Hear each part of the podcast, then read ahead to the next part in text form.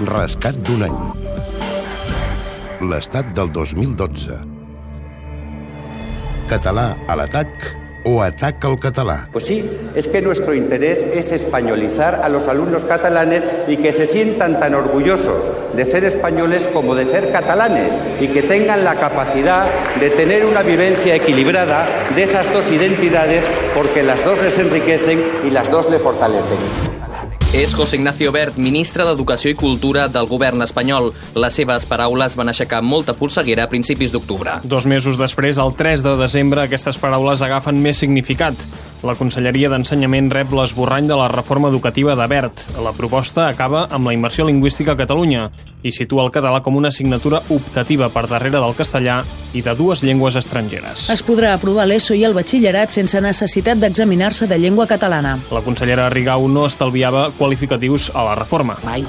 Des de l'any 1978 podem dir que el català no havia estat tan menys tingut amb un text del Ministeri. I pensin que abans del 1978 estava prohibit.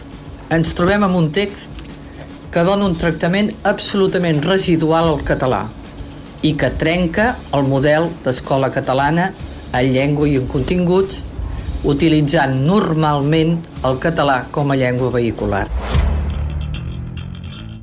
L'endemà, abans d'anar a Madrid a la trobada sectorial amb el ministre i els altres consellers del RAM, la consellera deia al matí de Catalunya Ràdio que no aplicaran la mesura a Catalunya i que si cal portaran la normativa al Constitucional. No es pot negociar, això no es pot aplicar. Volem de, de donar tranquil·litat als centres perquè apliquin la llei del Parlament i el govern aturar el cop i, evidentment, gestionar aquest conflicte. A Madrid, Rigau s'aixeca de la taula a mitja reunió. Manté que Bert vol donar al català tracte de llengua vernacla, la dels súbdits i esclaus, va dir textualment la consellera. Una setmana més tard, una seixantena de concentracions arreu de Catalunya, convocades per Som Escola, demanen a Bert que faci marxa enrere.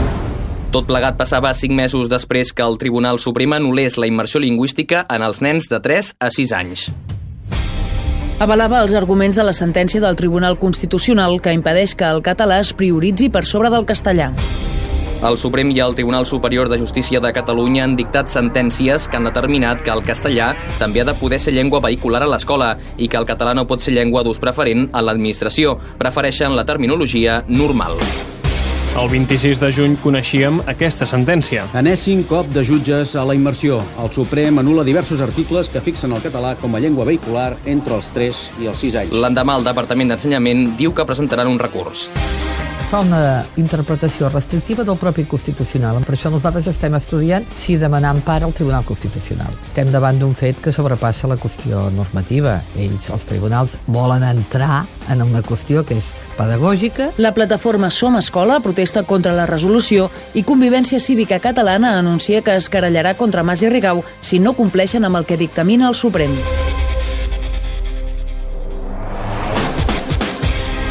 No ensenyar castellà a la teva filla, estratègia de mal pare. Ho diu un jutge de Cantàbria que aquest octubre ha pres la custòdia a un pare de Cambrils, ja que considera que només parlant-li en català pretén destruir els vincles de la nena amb la mare. El pare no donava crèdit. És la primera vegada que veig una sentència amb aquestes característiques i en 25 anys d'exercici no n'havia vist absolutament cap ni que s'hi semblés. I sembla més fruit de la situació que pugui haver i de més o menys crispació o no crispació i que hagi influït en aquesta sentència. A les Illes Balears, el desmantellament de la immersió lingüística es va avançar un mes a la reforma educativa de Bert. El president José Ramon Bausal elimina de facto. Es vol implantar un model trilingüe amb la mateixa presència de català, castellà i anglès. Només un 11% dels ciutadans de les illes hi està d'acord, segons l'ESTEI, el sindicat majoritari de l'ensenyament. A més, un 87% dels pares prefereix el català com a llengua vehicular a l'escola. Rescat d'un any. L'estat del 2012. Edició Joan Bota i Marc Curado. Producció Anna Escura i Mercè Ribas. Muntatge musical Joaquim Garcia.